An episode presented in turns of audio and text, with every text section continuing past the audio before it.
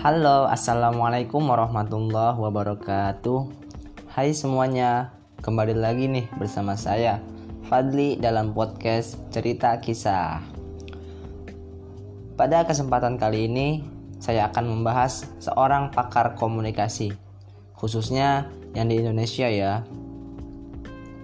Di podcast kali ini saya akan berbicara tentang salah satu tokoh ahli komunikasi Sebenarnya ada banyak sekali sih tokoh-tokoh komunikasi di dunia. Cuma kali ini saya akan membahas tokoh komunikasi yang ada di Indonesia. Siapa dia? Ya, beliau ialah Profesor Effendi Ghazali. Profesor Effendi Ghazali lahir di Padang, Sumatera Barat, Indonesia 5 Desember tahun 1966 Beliau ialah tokoh Indonesia yang terkenal dengan acara yang digagasnya, yaitu Republik Mimpi yang merupakan parodi dari Indonesia dan para presidennya. Beliau adalah seorang dosen di program Pasca Sarjana Universitas Indonesia Ilmu Komunikasi. Namanya makin melambung karena acara Republik Mimpi yang digagasnya untuk memparodikan Indonesia dan para presidennya.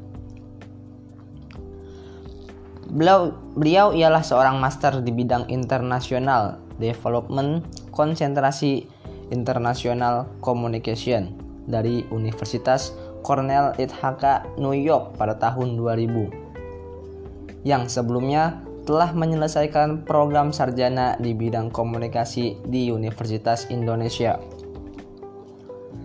Gelar PH.D kemudian dia dapat dari Radboud Nijmegen University Belanda pada tahun 2004 dengan disertai Communication of Politics and Politics of Communication in Indonesia. A study on media performs responsibility and accountability. Sebagai pengamat komunikasi politik yang terkenal akan kemampuannya dalam menganalisa gaya komunikasi yang ditampilkan oleh tokoh-tokoh politik di Indonesia, terutama mengenai komunikasi politik yang terjadi di Indonesia semenjak masa Soeharto sampai dengan masa reformasi. Beliau menuliskan beberapa jurnal yang berhubungan langsung dengan komunikasi politik melalui jurnal-jurnal dan disertainya serta tesisnya.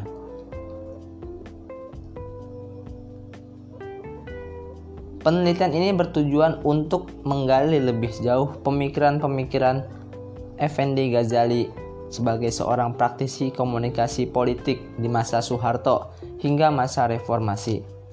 Sehingga implikasinya dapat memperjelas sejarah komunikasi politik di masa tersebut yang lebih lanjut dapat membantu memetakan perkembangan komunikasi politik di Indonesia. Penelitian ini menggunakan paradigma interpretatif yang bersifat eksploratif dan sosiologi of knowledge. Data dari hasil penelitian yang didapatkan peneliti menunjukkan pola terkait pemikiran Effendi Ghazali.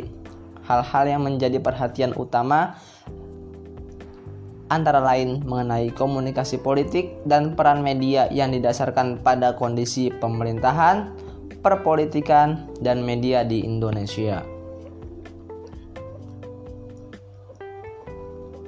Setelah berkiprah di dunia pendidikan, dia menerima beberapa penghargaan yang diperolehnya. Antara lain ialah sebagai salah satu peneliti terbaik UI tahun 2003 di bidang sosial and humanity Berdasarkan publikasi di jurnal internasional, penerima ICA atau International Communication Association Award pada ICA Annual Conference di New Orleans pada, bulan Mei tahun 2004 untuk research, teaching, and publication dari the ICA Instructional and Development Division. Wah, hebat banget ya beliau sudah mendapatkan penghargaan seperti itu. Saya jadi iri nih. Pokoknya di masa yang akan datang saya harus seperti beliau, yang cerdas dan banyak mendapat penghargaan.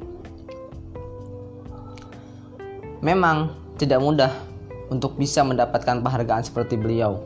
Butuh proses yang panjang, yaitu belajar, belajar, belajar, belajar, dan belajar.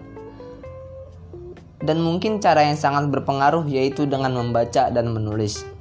Nah, kita nih sebagai penerus bangsa jangan sampai malas ya belajar membaca dan menulisnya. Selanjutnya, pada bulan Desember tahun 2011, beliau memutuskan untuk berhenti mengajar sebagai dosen luar biasa di Universitas Indonesia dengan alasan beliau merasa prihatin dengan banyak hal di kampus yang menurutnya tidak masuk akal. Dia sangat menyayangkan kepemimpinan Gumilar yang menuai sejumlah kritik dari Civitas Akademika Universitas Indonesia. Beberapa kritik yang terungkap ke publik antara lain soal pemberian penghargaan Dr. Honoris Causa kepada Raja Abdullah bin Abdul Aziz dan pengeluaran uang dari khas universitas untuk membayar pakan hewan peliharaan Gumilar. Tetapi keputusannya ini tidak akan membuatnya berhenti mengajar selamanya, karena beliau akan mengajar di tempat yang lain.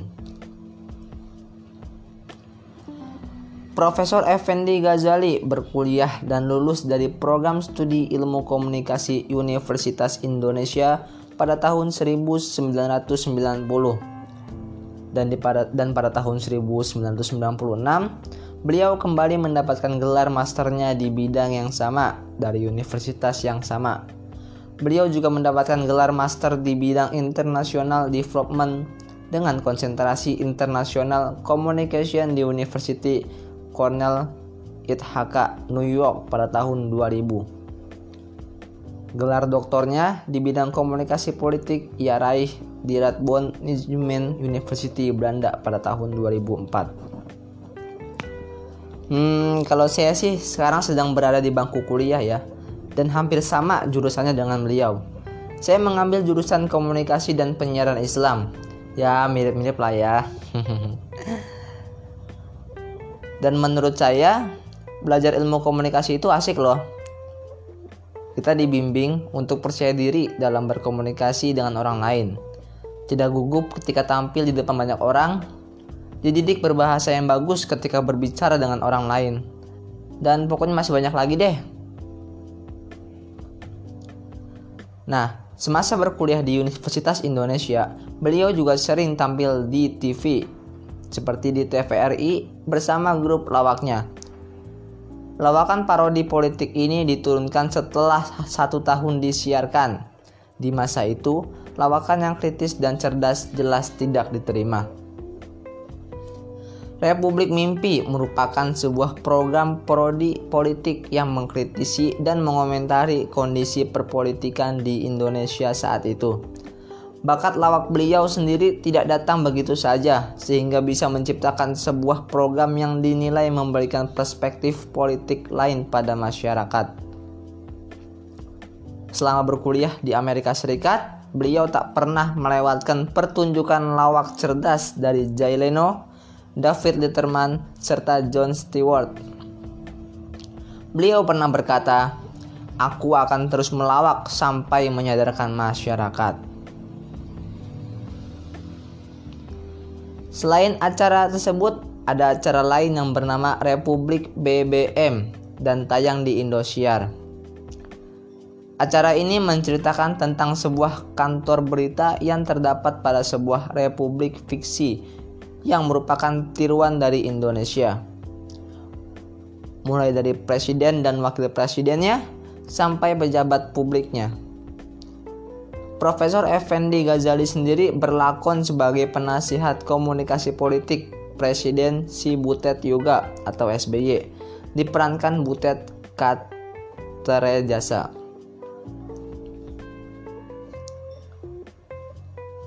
Walaupun disukai masyarakat dan memiliki prestasi, program ini tidak jauh dari cibiran publik. Menteri Komunikasi dan Informasi saat itu Sofyan Jalil mengkritisi acara ini ia menyebutnya penuh dengan mudarat daripada manfaat terkait acara tersebut. Di tahun itu pula Republik Mimpi berhenti tayang. Disinyalir karena tekanan dari beberapa pihak yang menganggap program ini terlalu frontal dan belak-belakan dalam mengkritisi. Profesor Effendi sendiri menjelaskan, pada umumnya mereka meyakini bahwa program seperti Republik Mimpi akan meningkatkan political efisiensi warga negara dan khususnya anak-anak muda. Hal tersebut diyakini oleh pengamat dari Amerika dan Eropa Barat.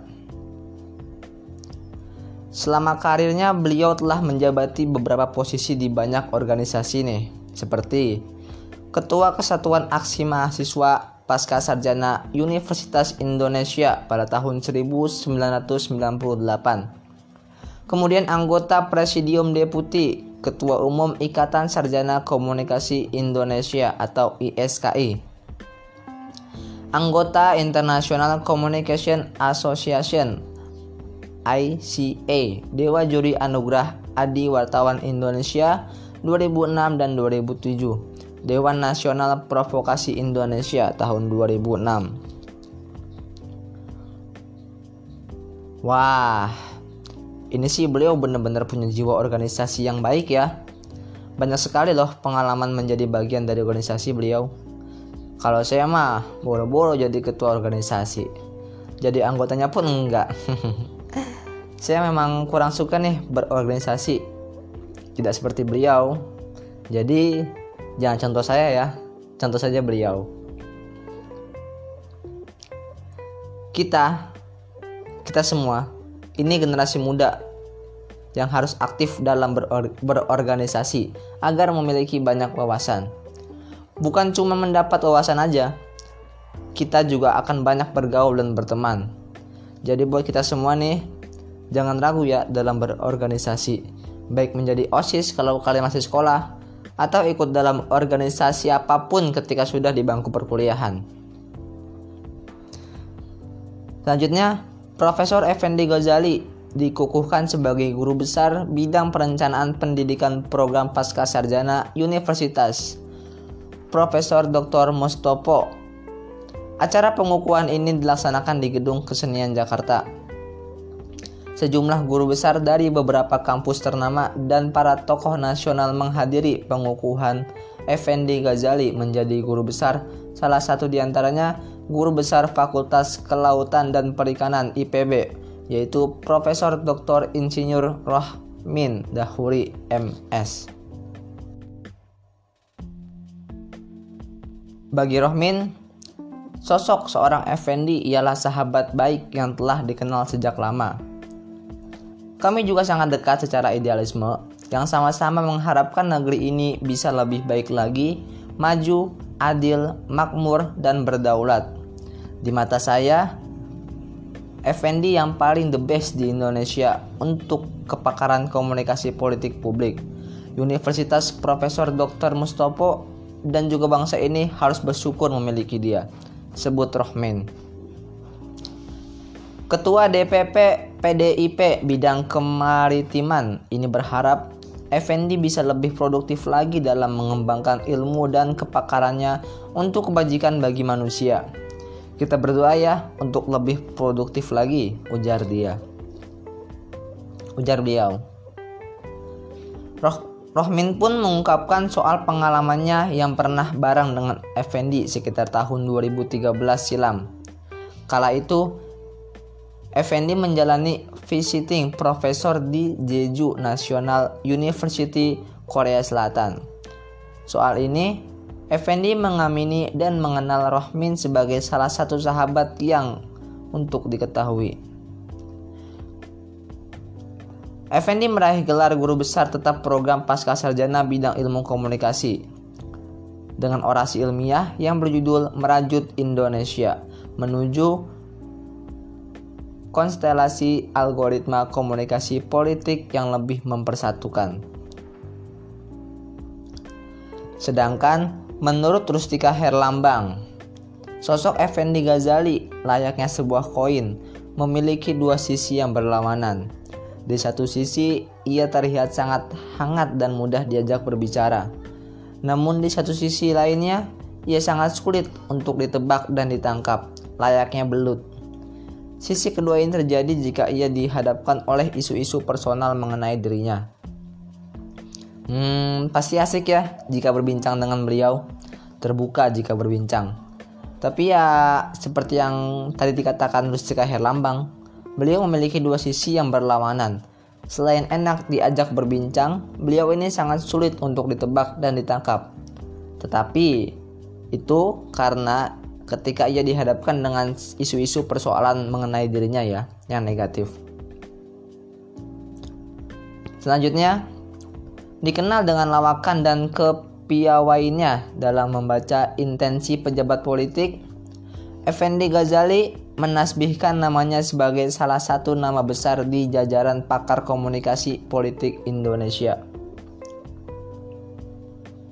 Kini bisa akan mengangkat sepak terjangnya mengomentari lakon politik di Indonesia.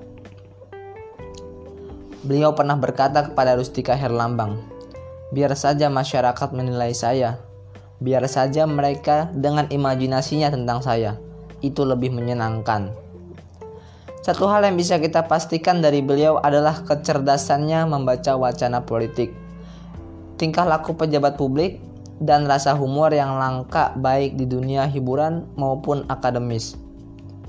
Dan sepertinya beliau kebal ya dengan penilaian negatif dari masyarakat.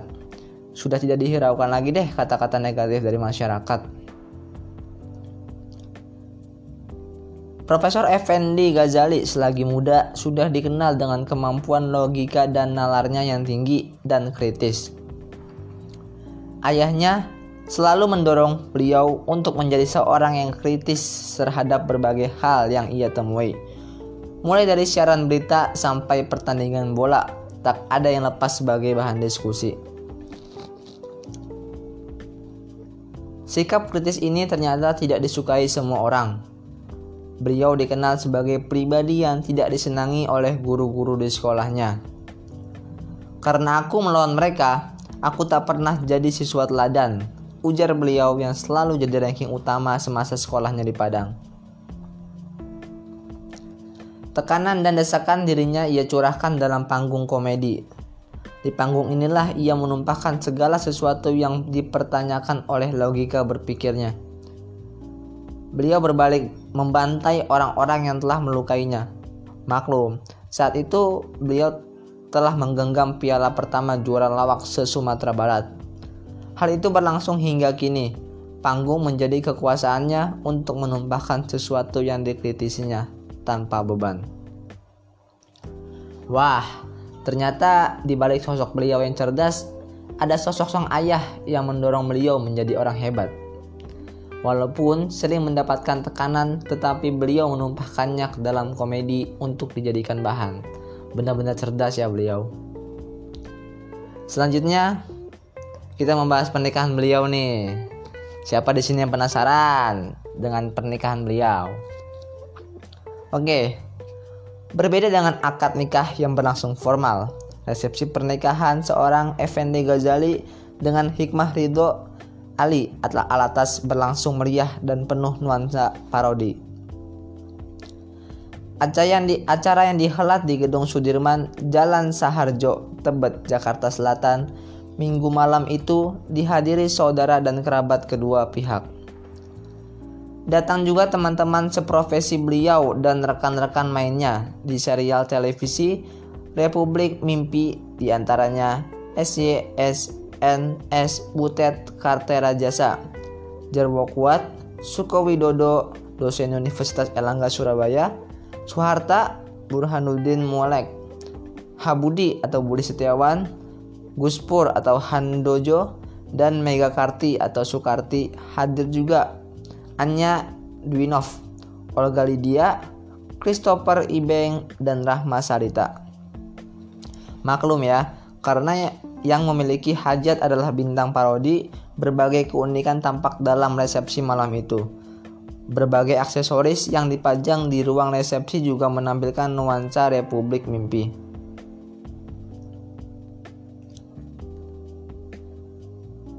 Di sisi kiri pelaminan tampak dipajang logo elang khas Republik Mimpi berukuran 3 meter di sampingnya. Terdapat para pemusik yang mengiringi para tamu dan sejumlah bintang Indonesian Idol yang turut memeriahkan acara. Saya memang sengaja ingin menyumbang lagu untuk Karunika ini biar lebih meriah. Tutur Vira Idol yang ikut menyumbang lagu pada resepsi tersebut. Keluarga besan beliau yang memang masih berdarah Arab membuatnya tak melupakan nuansa Timur Tengah dengan menampilkan pemusik Javin di sisi kiri pelaminan.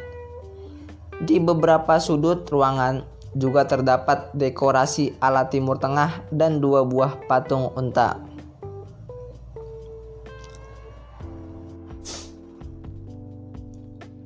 Tak banyak informasi yang bisa diakses terkait siapa yang menjadi pendamping beliau. Yang pasti, hikmah adalah keluarga dekat Ali Alatas dan adalah mahasiswa semester 3 di Universitas Indonesia jurusan Ilmu Komunikasi. Saat ini, umur kedua mempelai terpaut cukup jauh Beliau menempelkan puluhan poster berbentuk parodi di sekitar lokasi pernikahan yang bertuliskan kata-kata mutiara ala Effendi yang berbunyi menikah telat itu parodi tapi kalau terbiasa jadi nikmat karena itu malam ini ada nuansa parodi biar nikmatnya lebih panjang. Hmm, kalau membahas pernikahan terasa jadi ingin menyusul ya? Eh, enggak deh. Tapi kalian merasa aneh gak sih dengan teman-teman kalian yang mungkin ketika dia sedang capek atau lagi berada di titik bawah, pasti perkataan mereka selalu begini. Ah, udahlah, aku mau nikah aja. Capek. Lucu ya? Terutama untuk kaum perempuan nih yang suka ngomong begitu kalau lagi capek. Emangnya mereka pikir nikah itu bisa menghasil menghilangkan masalah? Justru enggak ya, enggak juga. Menikah itu kan tanggung jawabnya besar, ya kan? Besar loh, jauh, jauh lebih berat daripada sekedar tugas-tugas di kampus misal, atau masalah hutang atau masalah apa pun itu. Tapi ya nggak apa-apa juga sih kalau mereka berbicara ingin menikah. Mungkin mereka benar-benar capek atau mereka benar-benar ingin menikah. Ya wajar lah ya faktor umur mungkin udah nggak tahan untuk menikah. Tapi kalau saya pribadi mah masih fokus dengan kuliah. Ya walaupun sesekali juga kepikiran sih bagaimana ketika nikah nanti. Kayak misalnya memikirkan siapa ya jodoh saya? Siapa ya yang akan menjalani hidup bersama saya? Siapa ya? Siapa ya? Begitu. Saya masih kepikiran sampai sekarang nggak sering sih cuman terkadang saja suka memikirkan hal tersebut. Tapi ya itu wajar kan ya kalau orang-orang berpikiran seperti itu. Tapi tenang aja saya nggak mau cepet-cepet nikah kok. Niatnya setelah lulus kuliah mau kerja dulu nyari uang dulu jadi orang bener baru nikah. Tapi itu rencana saya doang ya kalau di perjalanan menuju sukses nanti saya mendapatkan jodoh, ya saya harus mengubah rencana saya tadi. Siapa tahu setelah menikah rezeki saya akan jadi lancar. Amin. Apalagi ketika punya anak-anak nanti. Karena kan banyak yang bilang ya, kalau banyak anak, banyak rezeki. Nah, saya mau pesan nih sama ibu-ibu dan bapak-bapak yang takut punya anak dua atau punya anak banyak. Jangan takut pak, bu, jangan takut karena rezeki sudah diatur sama Tuhan. Ibu dan bapak jangan takut tidak mampu bisa membiayai hidup anak-anak ibu dan bapak. Percaya saja sama Tuhan. Kita harus percaya sama Tuhan. Rezeki, jodoh, dan mau ditahan Tuhan. Nah, teman-teman, jadi kesimpulannya yang bisa kita ambil dari podcast kali ini ialah jangan pernah berhenti belajar. Terus belajar, dan jangan sampai putus belajar. Mari belajar berorganisasi. Jangan takut dengan kritikan orang lain. Anggap saja kritikan itu sebagai cambuk yang kuat buat kita agar ke depannya lebih baik lagi. Karena tidak ada kan manusia yang tidak pernah salah. Semua pernah salah dan pernah gagal. Tapi bangkit dan kegal tapi bangkit dari kegagalan itulah yang akan membuat kita yang akan membawa kita menuju pintu kesuksesan. Ya, sukses seperti beliau, Profesor F. Effendi Ghazali. Benar kan ya? Siapa sih yang tidak mau menjadi seperti sosok beliau yang sukses? Sudah pintar, cerdas, politiknya kuat, humoris pula. Dan banyak mendapat penghargaan loh. Karena beliau semasa kecilnya sudah dididik untuk belajar, belajar, belajar mengkritisi sesuatu. Makanya sampai besar beliau menjadi orang hebat. Tapi kalian iri gak sih dengan beliau? Iri nggak? Iri nggak dengan beliau? Kalau saya pribadi sih iri ya.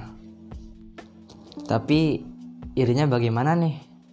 Kalau saya mah iri positifnya ya, cerdasnya, bisa mendapatkan penghargaan banyak, bisa memimpin, bisa ikut organisasi, menjadi ketua. Wah, hebat sekali beliau ya. Dosen, artis pula. ya, disebut artis Mungkin bisa ya karena beliau sering muncul di TV.